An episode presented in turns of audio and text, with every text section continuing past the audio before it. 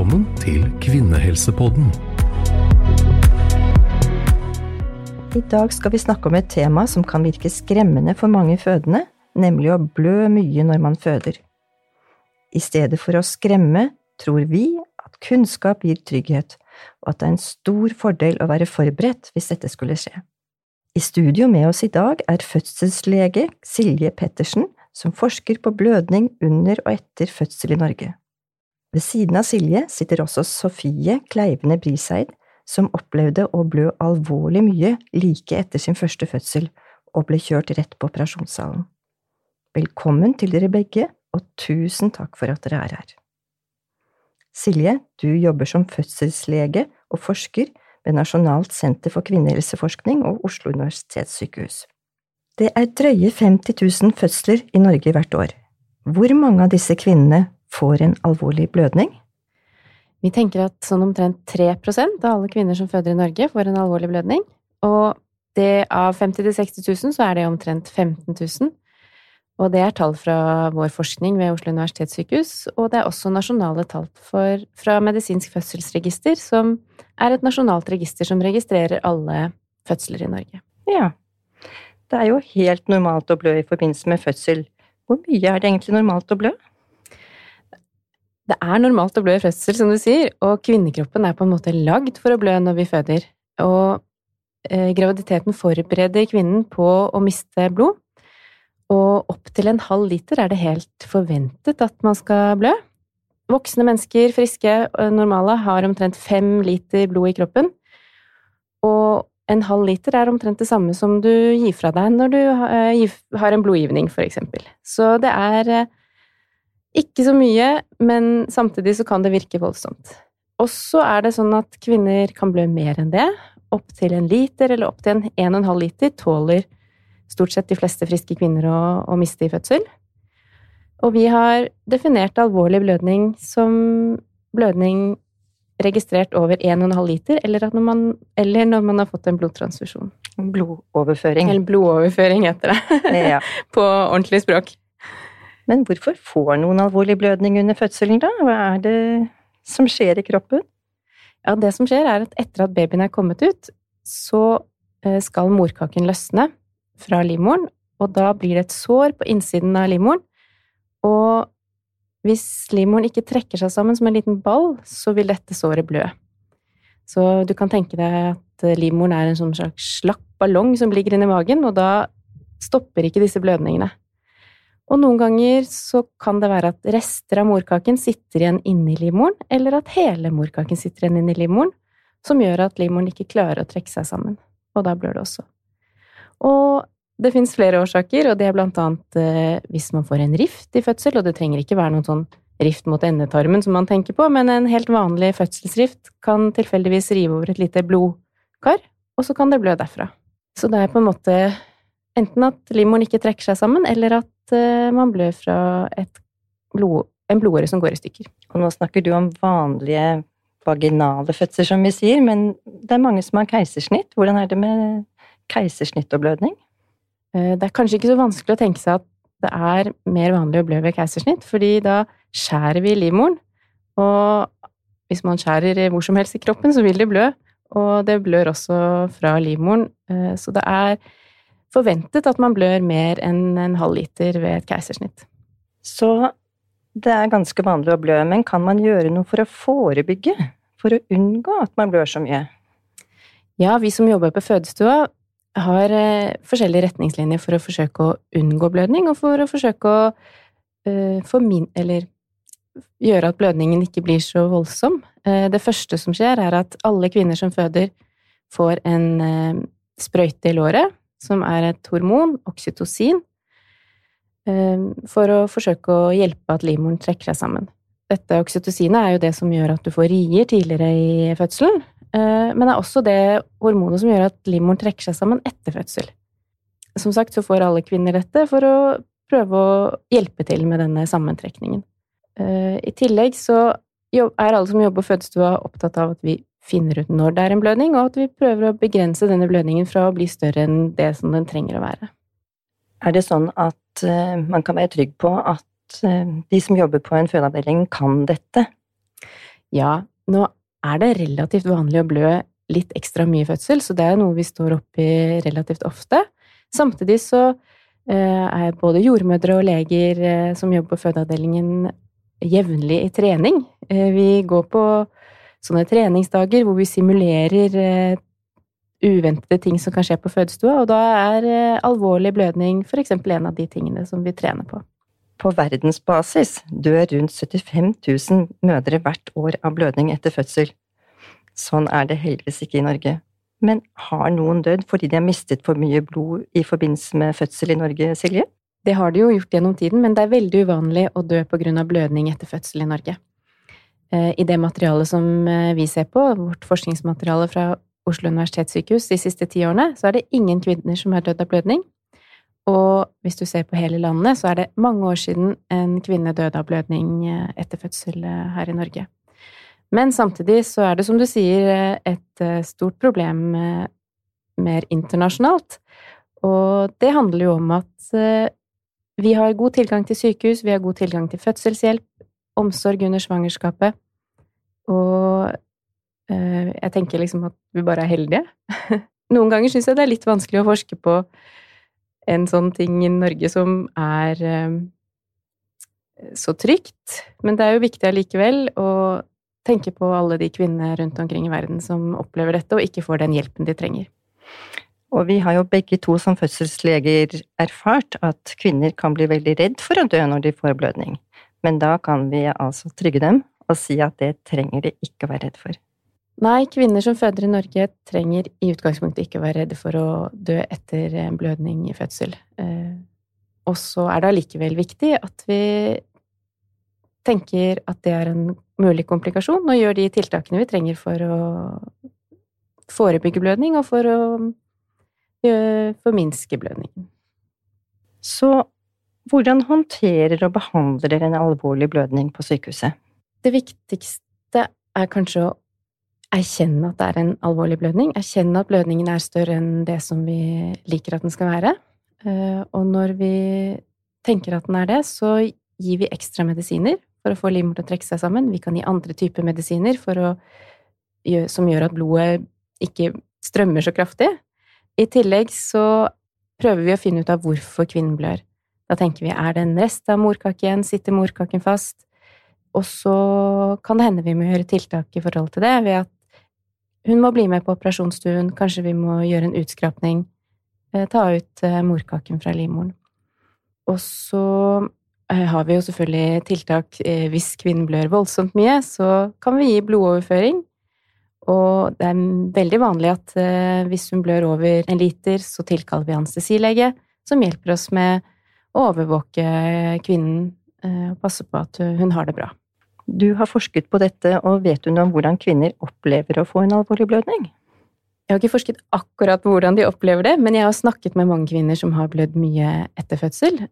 Og Eh, de fleste opplever å ha følt seg trygg fordi de er på sykehus, men samtidig så er det mange som også kjenner på den følelsen at de kanskje har en, hatt en slags nær døden-opplevelse. At uh, de var redde for å dø fra det nyfødte barnet sitt, uh, og at uh, det føles voldsomt.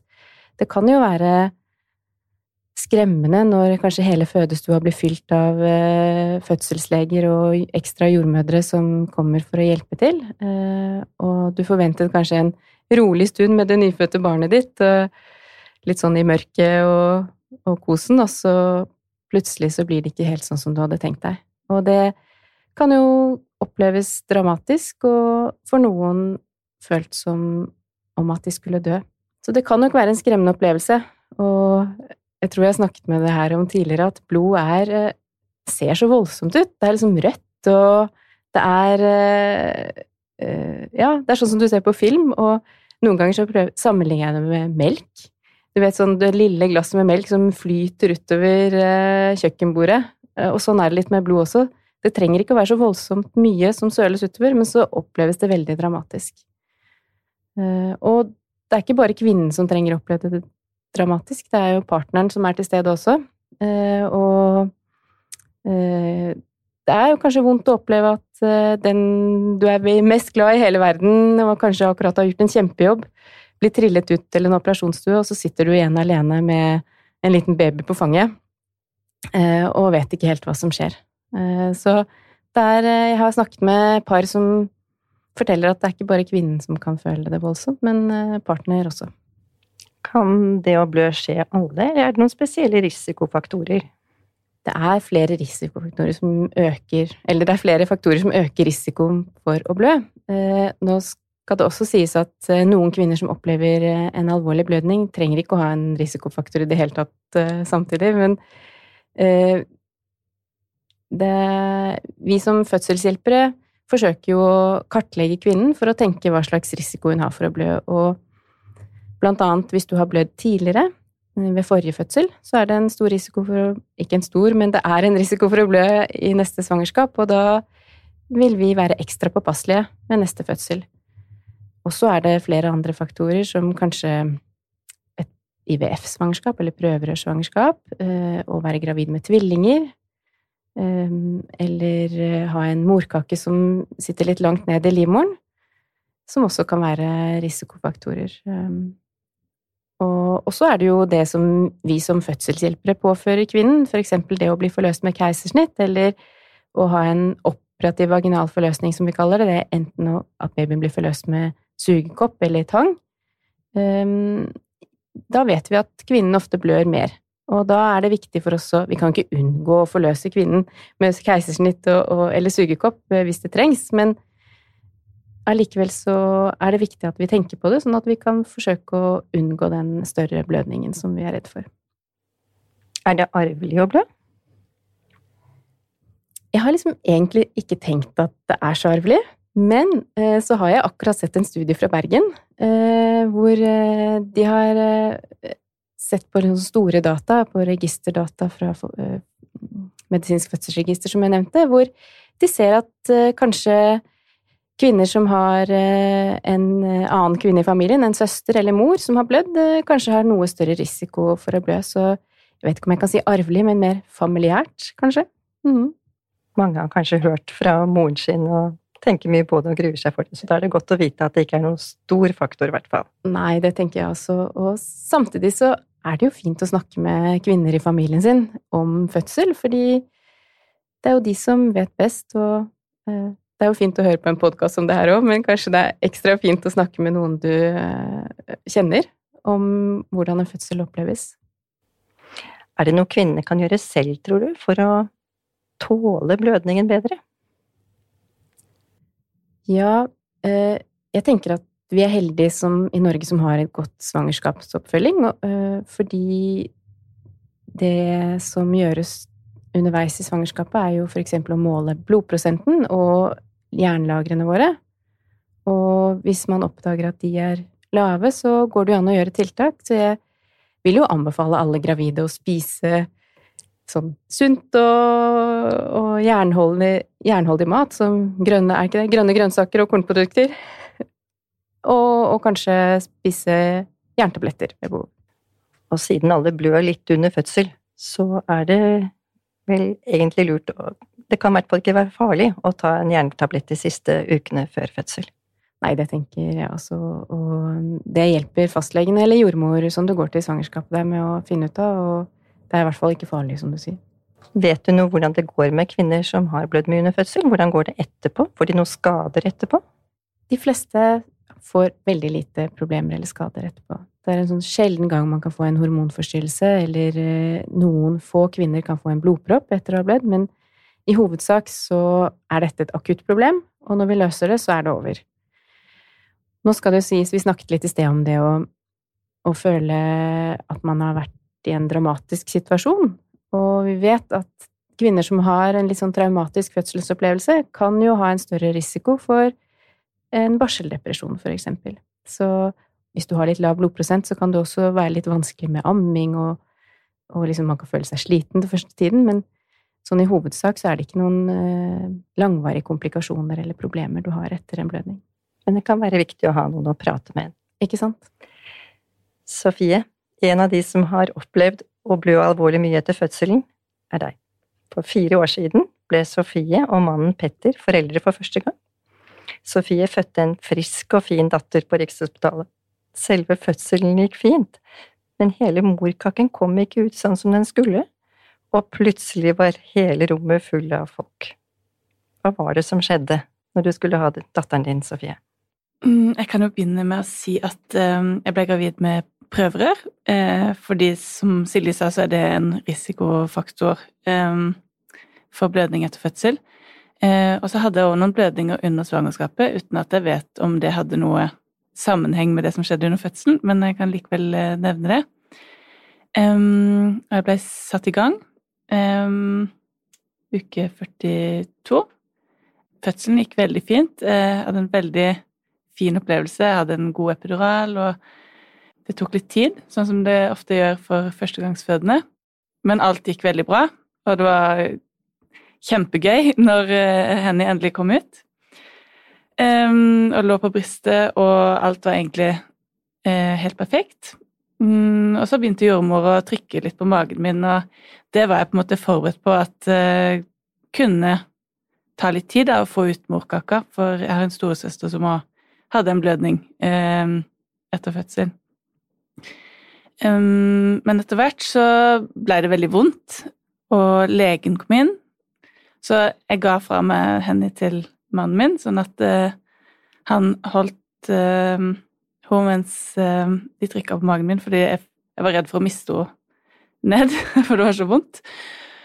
Um, og så plutselig så kom det noe ut Eh, og jeg husker at jeg sa sånn Æsj, hva var det? Og jeg tenkte egentlig at det var morkaka, men det var det ikke. Det var bare blod. Og da var plutselig hele fødestua full av uh, mennesker, og jeg fikk beskjed om å gå over i en annen seng. Og så satt jordmor uh, oppi senga og holdt en albue inn i magen min. Um, og husker at jeg spurte om hun kunne slippe, for det var så vondt. Og da sa hun at uh, hun måtte holde fordi, for å stoppe blødningen. Og det var først da jeg liksom skjønte at ikke det var helt sånn som det skulle være. Uh, og jeg fikk beskjed om at jeg ble tatt til operasjonssalen, og at de skulle skrape ut restene. Og at jeg skulle få narkose, og um, ja, at det skulle, det skulle gå bra. det første vi gjør når vi ser at kvinnen blør unormalt mye etter fødsel, er jo å gi ekstra medisiner, men også å klemme på livmoren. Det vil si liksom vi trykker oppå magen til kvinnen for å klemme på livmoren så den trekker seg sammen og ikke klarer å blø.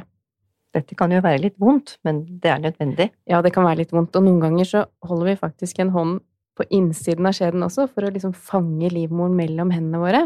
Og det kan selvfølgelig oppleves voldsomt og, og også smertefullt, men eh, det er helt nødvendig i, som et ledd i å stoppe blødningen, da. Og et enkelttiltak som har vært kjent i hundrevis av år. Ja, og hvert blodlegeme man redder, det får man igjen etterpå med at man er i bedre form etter fødsel. Ikke sant.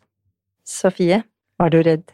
Nei, jeg var egentlig ikke det, og det gikk så fort. Um, jeg skjønte på en måte ikke hva som skjedde før uh, etterpå, og da hadde det jo gått bra.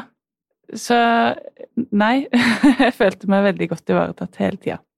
Det er godt å høre, men hvordan opplevde mannen din når du plutselig ble kjørt av gårde til operasjonsstua? Han ble jo stående igjen der med datteren din? Ja, det ble jo ikke akkurat sånn som han hadde sett for seg, men han òg sier at det gikk eh, veldig kort tid før han fikk beskjed om at alt gikk bra. Eh, så han rakk heller ikke å bli redd, men han satt jo der eh, på en veldig blodig fødestue med en nyfødt baby som sutta han på lillefingeren. og det ble liksom ikke sånn som han hadde sett for seg. Uh, han turte liksom Han turte ikke å sende melding om at uh, Henny var blitt født, før vi var sammen igjen, da. Men han fikk, også, han fikk hele tida god informasjon om hvordan ting uh, gikk med meg, og fikk lov å komme opp så fort jeg var våken igjen, da. Du har sagt at søsteren din hadde blødd under fødselen. Var du litt forberedt på at du kunne blø under fødselen? Eh, ja, jeg var det. Ikke på den måten jeg gjorde, mm, men jeg var forberedt på at, eh, at eh, Ja, at jeg kunne blø noe, da. Så har du jo nylig blitt mamma igjen, til tvillinger. Gratulerer. Takk. Hadde du noen andre bekymringer i graviditeten som du ikke hadde første gang? Absolutt. det var veldig um, Man er jo ikke redd for det man ikke vet at man kan være redd for. Eh, og som sagt, jeg var aldri redd forrige gang fordi um, jeg ikke forsto hva som skjedde før uh, det hadde gått bra. Men denne gangen så kjente jeg på det i, egentlig før jeg var blitt gravid, og iallfall når jeg fikk vite at det var tvillinger, fordi jeg visste at det var en risikofaktor for blødning, og så hadde jeg jo blødd før. Eh, det var prøverør. Så jeg var redd for å ikke få lov til å føde i det hele tatt.